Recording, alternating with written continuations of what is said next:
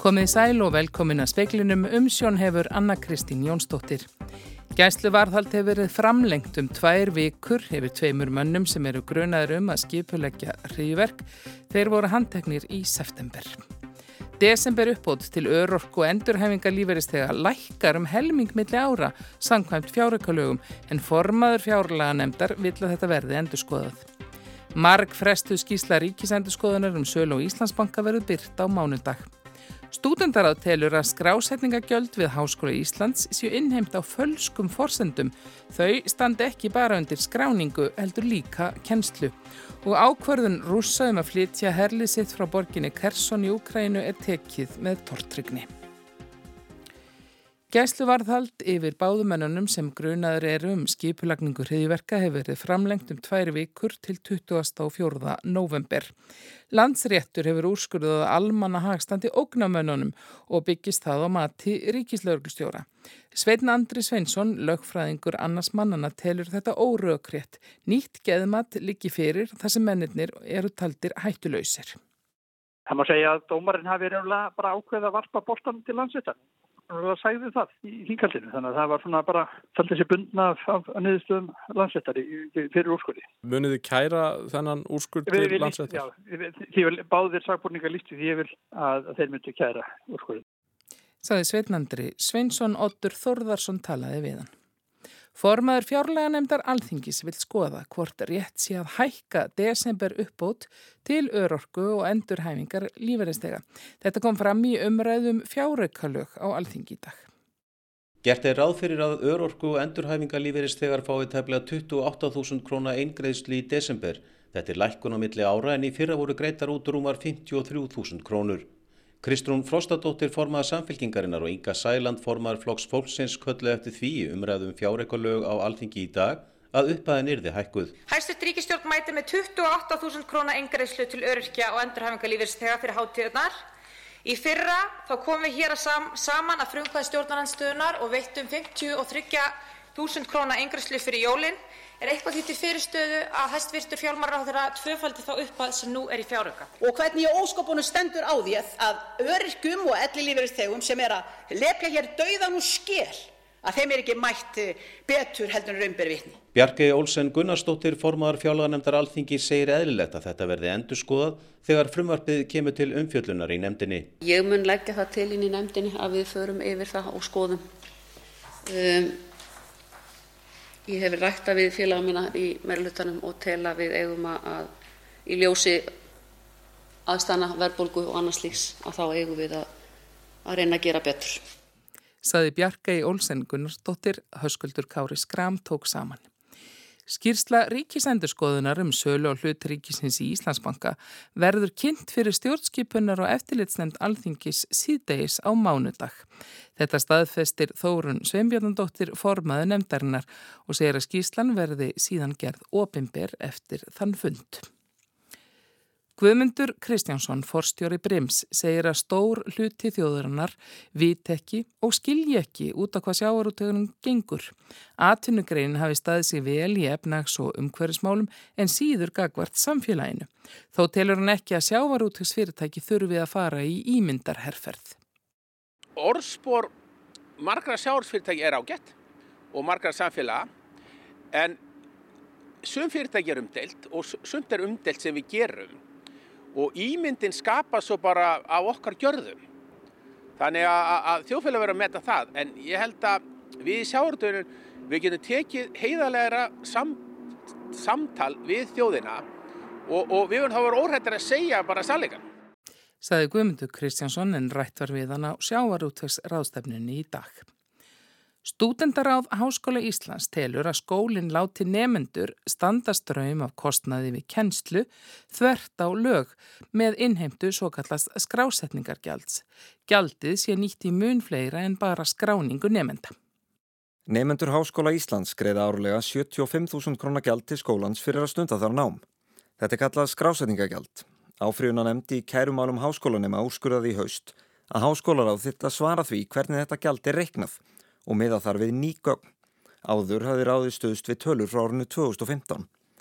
Rebecca Karlsdóttir er fórsett í stúdendaráðs en stúdendaráð hefur lengi barist fyrir lækkun gjaldana. Uh, já, háskólinn sagt, byggir gjaldtökuheimildina á lögum um ofinbæra háskóla og sundurlegar síðan í sínum reglum hvernig, í hvað þetta gjaldfellur og við teljum að háskólinn sé að rukka fyrir þjónustu sem skólanum er ekki heimilt að láta skrásendingagjaldin renna í. Meðal kostnæðarlega sem háskólinn tiltekur fyrir skrásendingagjaldinu eru skipula, kennslu og prófa og rekstur kennslusviðs. Þetta telja stúdendar órjúvanlegan þátt kennslunar og því sé reynd verið að rukka nefnendur fyrir kennslu. Lög um ofinbæra háskóla tiltaka að skrásetningagjöld með að hámarki vera 75.000 krónur. Þá er ekki þar með sagt að krefjast þess hámars. Um, það verður alltaf að vera uh, nöysinlegur, lögmætur og réttmættu kostnæður að baki gjaldinu og við draugum ég að þessi staða núna. Vonir stúdenda standa til þess að baróttan leiði til lækkunar á gjöldunum. Þeirra var lengi bent á að annar staðar á Norðurlöndum sé háskólanám ímist gjaldfrjálst eða skrásendingagjöldin óveruleg. Mentakerfið að eigi það að standa samanbyrðu við Norðurlöndin þá verður endur skoða skrásendingagjöldin með tilliti til lækunar. Saði Rebecca Karlsdóttir, Alexander Kristjánsson sagði frá. Hagsmuna vörðum eða lobbyistum á vegum gas- og oljufyrirtæki hefur fjölgað um fjórðung á kopparáðstefninni síðan á síðast ári. Um 600 slíkir eru skráðir á viðburði ráðstöfnunar sem framfer í Egiptalandi. Þrýsti hópar hafa kvart saminuðu þjóðunar til að skerða aðgang fyrirtækja sem græða á jarðefna eldsnætti að ráðstöfninni. Ímis Eiríki og smáþjóðir hafa einni gaggrínt gas- og oljufyrirtæki harðlega og hvað til harðari aðgerða gegn þeim. Mía Motley, forsættir sarað þeirra Barbados, kallaði til dæmis eftir því að 10% auka skattur er því settur á oljufyrirtæki til að bæta fyrir skada sem hlotist hefur að starfsemi þeirra. Á meðan þeir græða brennur plánetan, sagði forsættir sarað þeirra Antíkva og Barbuda Gaston Brown, Hann bætti því við að hagnaður gas- og oljufyrirtækja ætti að renna í sjóð til að hjálpa þjóðum sem eru viðkvamar fyrir lofslagsbreytingum. Fulltrúi forsetta kopp ráðstöfnunar hefur sagt að það sé erfitt að gefa upp nákvæman fjölda hagsmunavarða á ráðstöfnunni. Aug fulltrúa gas- og oljufyrirtækja eru einnig fulltrúar fyrirtækja á annarskonar mingandi yðnaði, til dæmis stál, áburðar og sementsiðnaði. Á síðasta ári mættu 503 hagsmunaverðir á kóparáðstöfnuna í Glasgow í Skotlandi. Pétur Magnússon sæði frá. Björn S. Lárusson, sveitarstjóri í Langanisbyggð, segir nöðsynlegt að tryggja betur orgu fyrir sveitafélagið. Tvær af þremur vara afstöðum Rarik á Þórsöfn fór ekki í gang þegar rafmagn var tekið af í morgun vegna viðhalds. Rafmagslust varði í allri langarnarsbyggð framundir tvö í dag að Þórsöfn undanskilinni. Björn segir óásættanlegt að íbúar og atvinnureikandur í langarnarsbyggð búi við ótryggt rafmagn og fariði fram á fund með Rarik til þess að fara yfir þessi mál. Skyndibett Keðjan KFC hefur byggðist afsökunar eftir að þýskir viðskiptavinir hennar voru kvartir til að minnast allugu sérsveitarmanna og óbreyttra borgara að geðingum í Þýskalandi og Austuríki fyrir rúmum 80 árum. Skyndibita keðan sendi tilkynningu á viðskiptavinni sína og stakk upp á að þeir gerðu vel við sig í tilefni Kristalsnæturinnar 9. november árið 1938 þegar ráðist var að verslunum, heimilum og samkómuhúsum geðinga. Þýskablaðið Bild greinir frá. Minnumst Kristalsnæturinnar, njóttu undur mjúks osts, stöks og brakandi tjúklings, mun hafa sagt í tilkynningunni. Klukkustund síðar barst önnur tilkynning þess efnis að svo fyrri hefði verið sendt fyrir mistök og kerfisvillu. Við byggjumst innilega afsökunar á ætlum að kanna öll okkar kerfi svo koma megi í veg fyrir að mistökin endur tæki sig, sagði í tilkynningunni. Stjórnvöld þriðja ríkis nazista gerðu ekkert til að stöðva aðtæfi þessa nótt 1938 Að minnstakosti 91 geðingur lést lífið og 20.000 voru handeknar og fluttar í fangabúðir. Markus Þórhaldsson sæði frá. Tilkynningu rúsneskara stjórnvalda frá því í gærum að draga herlið sitt frá borginni Khersson í söður hluta Úkrænu hefur víða verið tekið með fyrirvara. Almennir borgarar í Khersson sem rætt hefur verið við í frettamiðlum í dag segast ekki sjá neyn merki þess að brottflutningurinn sé hafinn þrátt fyrir yfirlýsinguna frá í gær. Fjöldi rúsneskra hermanna sé í borginni og nágræni hennar og margir séu borgarlega klættir. Talsmaður varnarmálaróðuneti sinns í Moskvu greindi frá því í morgun að brottflutningurinn væri hafinn. На Николаево-Криворожском направлении осуществляется маневр подразделений российской группировки войск на подготовленные позиции на левом берегу реки Днепр строгом соответствии с утвержденным планом. Rúsnanskar hersveitir eru að flytja sig til ákveðina staða á vinstri bakkat Njepr áarinnar samkvæmt fyrirfram ákveðinni áallun, saði talsmaðurinn Igor Konaserikov. Almenningur í Hersson og yfirmaður ukrainska herliðsins í borginni segja að tilkynningunni frá því gær berið að taka með vara. Ekkert sé að marka það sem rúsnanska stjórnvöld láti frá sér fara. Joe Biden fórseti bandaríkjanarætti tíðindin stuttlega í gerkvöld á sínum fyrsta frettamannafundi eftir kostningarnar á þriðudag. Hann sagði aðtiklisvert að Rúsland hefði beðið með að tilkynna um brottflutningin þar til eftir kostningarnar vestra. Ákvörðuninn væri sönnum þess að rúsneski herin ætti í erfiðleikum í Ukrænu. Fórsetin bætti við að það eitt eftir að koma í ljós hvort þessi nýjustu tíðindi og aðstæður eftir að vetrarkuldin fer að býta letu til þess að Úkraina kemist að samkómulagi við rúsa. And it remains to be seen whether or not there will be a judgment made um, as to uh, whether or not Ukraine is prepared to uh, compromise with Russia. Jens Stoltenberg, framkvæmdastjóri Allandsháfsbandalagsins, sagði á frettamannafundi í Róm í dag að vandlega er þið fylst með tíðendum frá Hersson á næstu dögum. Hann sagði ljóst að rúsnænski herin væri undir miklu álægi um þessar mundir og ef hann færi frá borginni yrði það enn einn sigurinn fyrir ukrainska herin. But what is clear is that Russia is under heavy pressure and if they leave Kherson it would be another victory for Ukraine. Að mati sérfræðinga í herrfræðum er ekkert óaðililegt við að rúsnæski herin sé enn í Kherson degi eftir að tilkynnt var um brottflutningin. Eitt þeirra er Mick Ryan, sérfræðingur í málefnum Rúslands við CNA rannsóknastofnunina í Bandaríkjónum. Hann skrifar á Twitter í dag að aðgerða af þessu tægi taki marga daga og jafnvel vikur. Samir Púri hjá herrfræði rannsóknastofnuninni International Institute for Strategic Studies tekur undir það í viðtali við BBC. Hann segir að framta tilkynning rúsa frá því gær sé illskiljanleg. Svo verðist sem þeir séu að afhenda úkrænumönnum Hersson að gjöf en eitthvað hljóti að búa að baki. Erfitt sé að átta sig á því þannig að nú sé bara að býða og sjá. There must be something the Russians are planning uh, in order for this to, to not be just a simple gift to the Ukrainian armed forces, but we'll have to wait and see of course. Volodymyr Selenski, fórseti Ukrænu, nefndi einmitt í daglegu ávarpi sínu til þjóðarinnar í gerkvöld að vissulega væri það fagnaðarefni ef rúsneski herin færi frá Kherson en vissast væri að fagna tíðindunum ekki um of frekar en öðru í stríðinu. Eitthvað hliti að búa að baki. Rússar væri ekki að gefa úkrænumönnum neinar gjafir. Eitthvað annað en góðvilji byggi að baki því að þeir væru að hafa sig á brott. Mark Milley, yfirhersaðingi og formaður herráðsins í bandarækja herr, sagði á samkómu í gær að yfir 100.000 rúsneskir herrmenn hefði fallið eða særst frá því að innrásin í Úkrænu hófst í februar. Mantjón í úkrænska hernum væri líkast til áþægt. Að auki hefði innrásinn kostað um 40.000 almenna ukrainska borgara lífið. Innrásinn sagði hersauðingin að væri stórkosleg mistök sem rúsneska þjóðin ætti eftir að súpa segðið af um langa framtíð. Ásker Tómasson tók saman.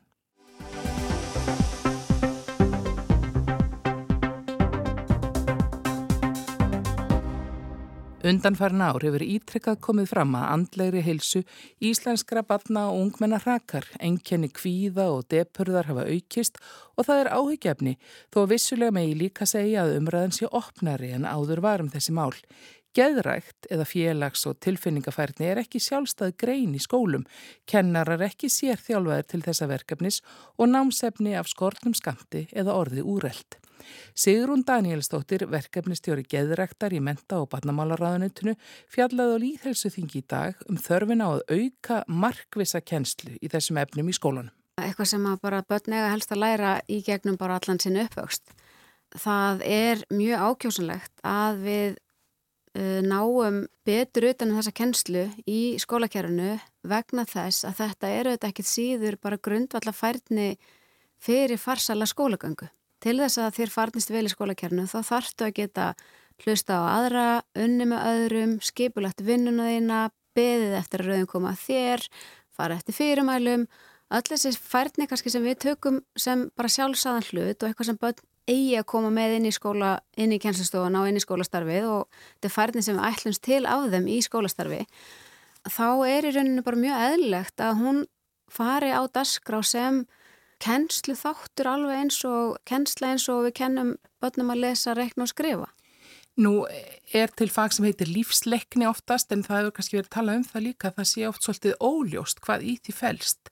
Það er ekki nákvæmlega skilgreynd hvað það er sem það er á að kenna. Nei og lífsleikni er ekki lengur sjálfsta námskræn í aðalnámskrá sem þýðir að til dæmi skólar þurfu ekki að gera sérstaka, svona, þau þurfu ekki að gera áallin sérstaka um hvernig þau ætla að þá halda utanum þá kennslu eða, eða gera sérstaka áallin um kennslu félags- og tilfinningafærni. Námsefnisútgáfa allir á þessu sviði hefur verið af mjög skortnum skamti síðustu tvo áratugina þannig að efnið sem við eigum, bara námsefnið, er komið vel til ára sinna. Hefni viðmiðlumis hafa ekki verið skilgrend sérstaklega fyrir þessa kennslu í aðalnámskráð þannig að það er svona alls konar þættir sem varða í rauninu bara umgjörð skólastarfsins og sem að við gætum verið að styrkja betur til þess að þetta fengi svona, sen, svona skýrari sess í skólakjörnu. En er þetta hluti sem hægt er að kenna og það í skólan? Svo sannarlega, algjörlega og eins og segi, við erum að gera það viða, bara mjög vel önnur lönd og skóla umdæmi annar staðar hafa tekið fastar utanum þessa kennslu heldur en kannski við höfum gert þannig að þetta er algjörlega færni sem að er ekkit öðruvísi en önnur færni sem við kennum og þjálfum og æfum með börnum. En er eitthvað hægt að setja þetta í samingi við þessar frétti sem ég vísaði til í það áðan, þar sem að er verið að tala um það að svona andlegri hérna, líðan og geðheilsu ekki síst ungsfólk sé að rak? Mm -hmm. Jú, algjörlega. Þetta eru þetta bara heit, mjög mikilvæg færni til þess að bara sinna eigin geðheilsu. Þetta er færni sem við getum skilgrend sem sko grundvallafærni fyrir bara velfarna í lífinu, þetta er grundvallafærni fyrir farsala skólagöngu og þetta er grundvallafærni til þess að ná að líða vel og ganga vel. Þetta er færni sem snýr til dæmis að því að geta skilið og þekkt eigin tilfinningar, styrkleika og takmarkanir. Þetta er færni sem snýr að því að geta skilið annað fólk, síð sjóna með annara, sett sér í spór annara og fundið til samkendar stýrt eigin hegðun og tilfinningum með farsalum hætti, hefnitlega í heilbrun samskiptum, mynda náinn tengslu aðra og geta tekið ábyrgar ákvarðanir. Þannig að það sjáu þetta allir að þetta er mjög mikilvæg færni sem að sko ákjósanlegast væri að við sem flest hefðum og þess vegna er svo mikilvægt að við erum með óbunbært skólakerfi til þess að þroska með börnum færni og hefni sem að er krafist af þeim í samfélagi nútímanns og framtíðarinnar þannig að þetta er ekkert síður mikilvægur þáttur þegar það kemur að því. En hvernig er hægt að taka þetta meira inn í grundvallar skólastarfi? Hvað, hvað er það sem við þurfum að gera til þess frekar en þetta sé bara tilfallandi viðbót sko, sem að hefur kannski verið nálgunni svolítið hinga til? Sko ég er ekkert endilega að segja það en bara þetta að sko þessa umgjörð og innviði hefur kannski skort þannig að okkur hefur ekki teikist að, að gera þetta jafn markvist eins og við erum kannski að nálgast kennslu á öðrum sviðum. Það sem okkur hefur kannski skort hinga til er, er þessi umgjörð þannig að eins og árið 2019 þá skilaði starfsópur sem, sem samanstóð af Kennarsamfati Íslands, Empati Landlæknis menta- og menningamálaráðnetinu þáverandi, mentamálastofnun, heimil og skóla og sambandískra sveitafélaga. Þetta var sér starfshópur sem að gerði aðgera áallinu um innleðingu, geðrættar, forvarna og stuðninsju börn og ungmenni í skólum. Þar sem er farið alltaf svona vandlega yfir þetta, einmitt, hvað þurfum við að gera? Af því að í rauninni ekkert eitt er nóg. Það er ekki nóg bara að kenna svona færni í kennslustund og láta þar við sitja. Það er heldur ekki nóg að flétta það bara einhvern veginn inn í almennt skólastarf og láta þar við sitja. Við þurfum í rauninni að bara dekka alla posta þannig að það er allir með slagði þessi starfsópur til að námsefnisútgáfa á þessu sviði erði elft og hún erði markvisari að geðrætt erði skilgrenn sem sjálfstað námskrein með hæfni viðmiðum í aðalnámskrá og að kennarar geti valið sér það að sérhafa sig í þessari kennsli. Það er eitthvað sem við hefum aldrei haft að kennarar getur einhvern útskrifast sem geðrættarkennarar, alveg eins og íþróttakennarar. Og ég held að það sé einn af megin þáttunum sem að muni í rauninni breyta öllu í þessu samengi vegna þess að kennararnir eru líkillin og þegar við erum komin með ölluga stjætt geðrættar kennara sem kunna sitt fag og, og, og tala upp sína uh, sérþekkingu og, og sinna henni og sína fram á árakstur hennar að þá held ég að við þurfum ekki lengur að ræða það að þetta sé mikilvægt eða hvort að við ættum að koma þessu við vegna þess að þá bara sjáum við árangurinn af því. Er það eitthvað sem er að fara að gerast samt og verðum við sætli eftir 15 ár? Ég er sannlega vona það, já. Þessi aðgerra allir sem ég myndist á, hún var samþygt af Ríkistjórn ára 2020 og núna hefur menta og barnamálar á þeirra tekið hann upp á sína arma og hafið bara undirbúning við innleiðingu á þessum þáttum. Þannig að þetta er allt í rauninni bara í svona undirbúningsferli og verður auðvitað gert bara í viðteku samráði við alla hlutað eigandi. Og, hérna, og er svona, já eins og ég segi, þetta er partur af einn hluti af miklu, starra, miklu starri mynd sem að tegja sér líka í eins og ég nefndi að náðan með forvarnir og stöðning að núna allmest erum við að undirbúa gerð nýra laga um skólaþjónustu. Þar kemur stöðningurinn inn ekki bara til nefnda heldur líka til starfsfólksins í skólum. Verður stór ráðstefna núna á mánudag undir yfirskriftinni farsal skólaganga allra batna hvernig byggjum við upp heilstaða skólaþjónustu til framtíðar. Þar sem við ætlum að byrja þetta samtal við haghafa innan skólasamfélagsins um hvernig við getum stutt betur við nefnendur, fóreldra og starfsfólk og stjórnendur í skólum í gegnum skólaþjónustuna og, og með þessa svona þreparskiptu nálgun að leiðaljósi. Þar sem við erum ekki bara að koma inn þegar að hlutinir er orðinir mjög erfiðir, heldur við erum að huga að grunninum líka. Við erum að horfa á hvað eru að kenna börnum í skólum, hvernig eru að búa að starfsfólkinu, hvernig eru við að styðja við þessa jákvæðu skólamenningu eða skólabrag, hvernig eru við að styðja stjórnendur til þess að vera þessi faglegu leðtögar, hvernig eru við að sinna starfstróun kennara og svo framvegs og svo framvegs. Þetta er risastórt samtal sem er framöndan en ótrúlega spennandi að það sé hafið. Saði Sigrún Daniel Stóttir, verkefnistjóri í menta og barnamálaráðundunum.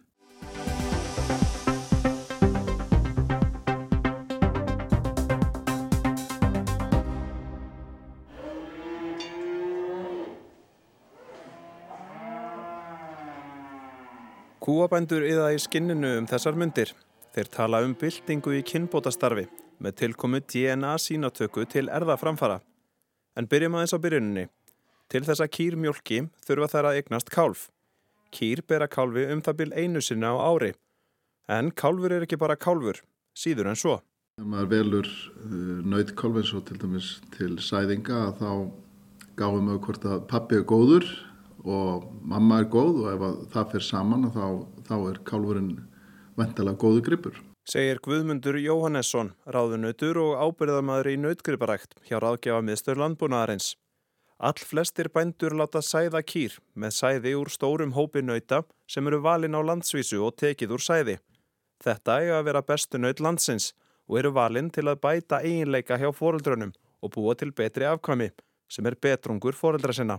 Þetta fer fram náttúrulega með öflugu skýsluhaldi þar sem við fylgjumst með náttúrulega bara mismun gripana eh, hvort það er skara fram úr á, á hverju búi fyrir sig. Og síðan er það náttúrulega bortnir saman á landsvísu. Og þannig í raun og veru veljum við úr og höfum gert lengi að, að velja alltaf bestu gripana sem foreldra næstu kynsluðar.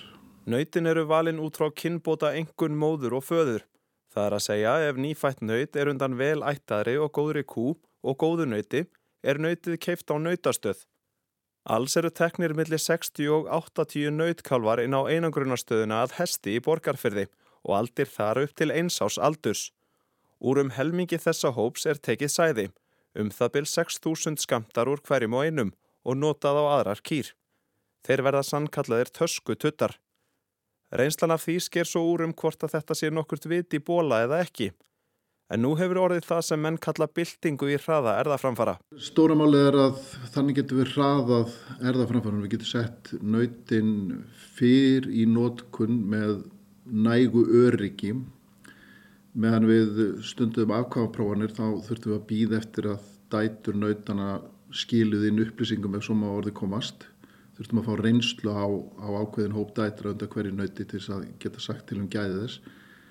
Núna getum við semst gert þetta með argjörða greiningu. Við greinum erðaefni gripana og, og sjáum semst hvaða erðavísa þeir bera og það segir okkur til um hvaða eigileika þeir hafa til að bera til mjölkurframlöslu og, og annara eigileika. Og hverju, hverju er það að leytast eftir með þessu? Hvert er svona takmarkið? Sko kynbættur eru í eðlisinu náttúrulega framleiðsla á matvör eins og landbúnaðar er og, og takmarki er alveg ódýrari og betri vara fyrir neytandan. Það er, það er alltaf loka takmarkið. Fyrir bondan þá erum við náttúrulega að reyna að búa til betri mjölkukýr sem mjölka meira með meira og hærra efnainhaldi í mjölkinni. Það eru hraustari, heilbriðari og líta betur út, endast betur. Þannig að þetta er svona fjölþætt ræktunamarkmið sem við höfum gert. En hvað með aðrar búgrunar eins og sögfjörrætt? Er þetta eitthvað sem mann er að líta til þar? Já, menn er að horfa til þess um, vandamálið í söðfjárrættin að vandamál. Vandin liggur í því að argerðagreininga kosta og verðmætti hvers grips í söðfjárrættin er náttúrulega ekki smikið í, í mjölkukúnum. En þetta er alveg mögulegt og sérstaklega því að argerðagreiningarnar er alltaf að lækka í verði. Menn er að finna ódýrar og betri aðferði þannig að, að mér kem ekki óvart þó að innan tíu ára myndu við innlega þetta í söðusfjárrætt líka. Hrossarættin er náttúrulega svolítið annars eðlis. Um, þar eru vissulega umtalsverði fjármunir. Vandamáli þar er kannski að hluta til allavega að við erum með í matin og gripunum mjög metna eiginleika í staðin fyrir mælda eins og bara sem dæmi að, að ef þú horfir á hest og meturann þetta er góður hestur eða þetta er lélugur hestur þá er það ekki beinleins mæling, það er mat þegar við mælum nýttina í mjölkukúnum þá er það mæling. Það þýðir að öryggi verður náttúrulega ekki eins mikið en samt sem áður á þetta líka vera vel framkvæmlegt í rosarættinni. Byrjað var að taka DNA sínu um seinustu áramót. Fagráði nautgreiparækt sem heldur utan um ræktunastarfið valdi á dögunum í fyrsta sinn 22 naut sem verða nótuð vitt og breytt um landið út frá þessari nýju erðarskimun sem kölluð er. Bændum ber ekki skilda til að taka þátt í þessum sínatökum en Guðmundur segir að þáttakann sé þrátt fyrir það mjög góð. Við erum að stitta það sem, það sem við tölum um ætliðabil, ef við, ef við getum horta á ætliðabilið faðir sonur, semst þángar til eh, frá því að nöyt er fæðist og þángar til að skila sonum sínum inn á nöytastöð hefur verið svona 6, 7, 8 ár. Í dag erum við að tala um að það fer nýri 2 ár. Þannig að, að hérna, við erum að tala um gríðalega styttingu ætliðabilsins þetta þýðir náttúrulega mjög mikla aukningu í erðaframförum á ári. Og þetta er náttúrulega á fjáraslegum grunni. Hvernig er þáttakabanda í þessu? Þáttakabanda er mjög góð og áhugin er, er mjög mikill og, og það styrkur okkar í íslensku búfjárrætt er náttúrulega hvað bændur standa vel saman og stunda ræktunastarfi eins og segir á félagslegum grunni. Mm. Þetta er samegn allra bænda og menn líta á það sem slíkt. Er þetta bylting? Þetta er bylting, já, algjörlega og, og alveg til japs við það þegar við tókum upp sæðingar í, í hérna nautgriparættinni fyrir, já, það er nú orðin á fyrir hluta síðust aldar. Þannig að, að hér erum við að ræða um algjöra bylting í kynbótum, já. Var heyri það svona á gömlum bændum að það hefur verið, verið stærsta, stærsta framfæra skrefi að fá framdrif á dráttavélunar, er þetta jafnstórt skref? Svolítið erfitt að bera það saman kannski en uh, já, í raun og veru er þetta stærra skref, kannski ekki eitthvað sem að hver einstakur bondi finnur en fyrir greinin í heild, já, þá er þetta stærra skref. Hvert er næsta skref? Næsta skref hjá okkur í þessu er, er náttúrulega, þetta snýst vola mikið um, um öryggi matsins og öryggi hjá okkur er, er hátt á eiginleikum eins og afurða eiginleikunum, mjölk efnainnihaldi, frumutölu og slíku. Næstu skref er að þróa kerfi betur þannig að við náum hærra öryggi, við náum að fá betra öryggi á eiginleikans og frjósemi og, og, og slíkt. Næstu skref lútaði mitt að því að, að, að þetta verði betra og, og tryggara mat. Bjarni Rúnarsson tók saman og rætti við Guðmund Jóhannesson. Ítarlegri umfjöllunum málið má finna á rúf.is. Veðurhorfur það er gul veðurviðvörun í gildi á vestfjörðum og gildir til klukkan 11 á morgun vegna kvassviðris og snjókomu á fjallvegum. Spáðu norðaustan átt 15 til 23 metrum og regningu eða slittu en snjókomu á fjallvegum á norðvesturlandi og þetta getur skapað vara sem axtu skilirði engum á heiðum. Annars spáðu regningu eða slittu norðan til en skúrum siðra og hitti breytist lítið. Fleir er ekki í speklinum í kvöld, tæknimaður var Magnús Þorstein Magnússon veriði sæl.